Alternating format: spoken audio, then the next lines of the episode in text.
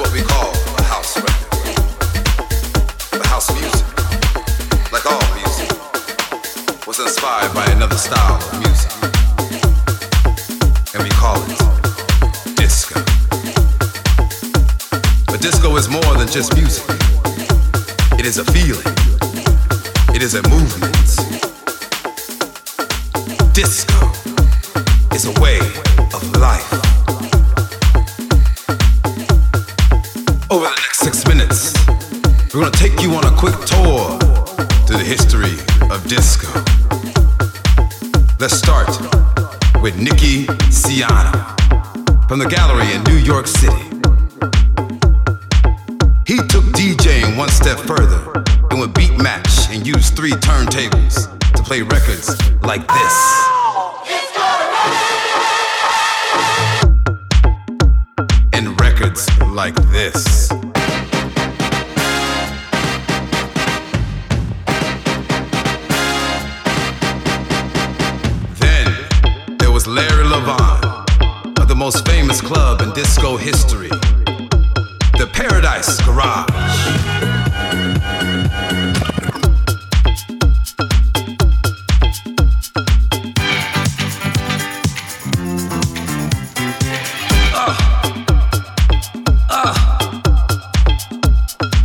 David Mancuso, who had a private club in his own apartment. He called it the Loft. He played all kinds of records.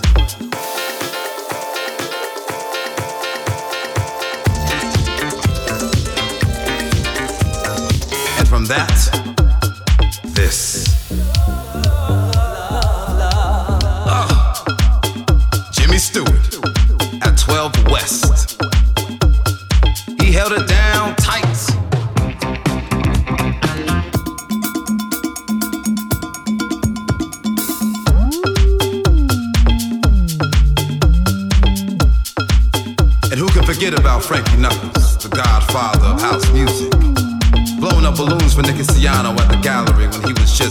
18 years old.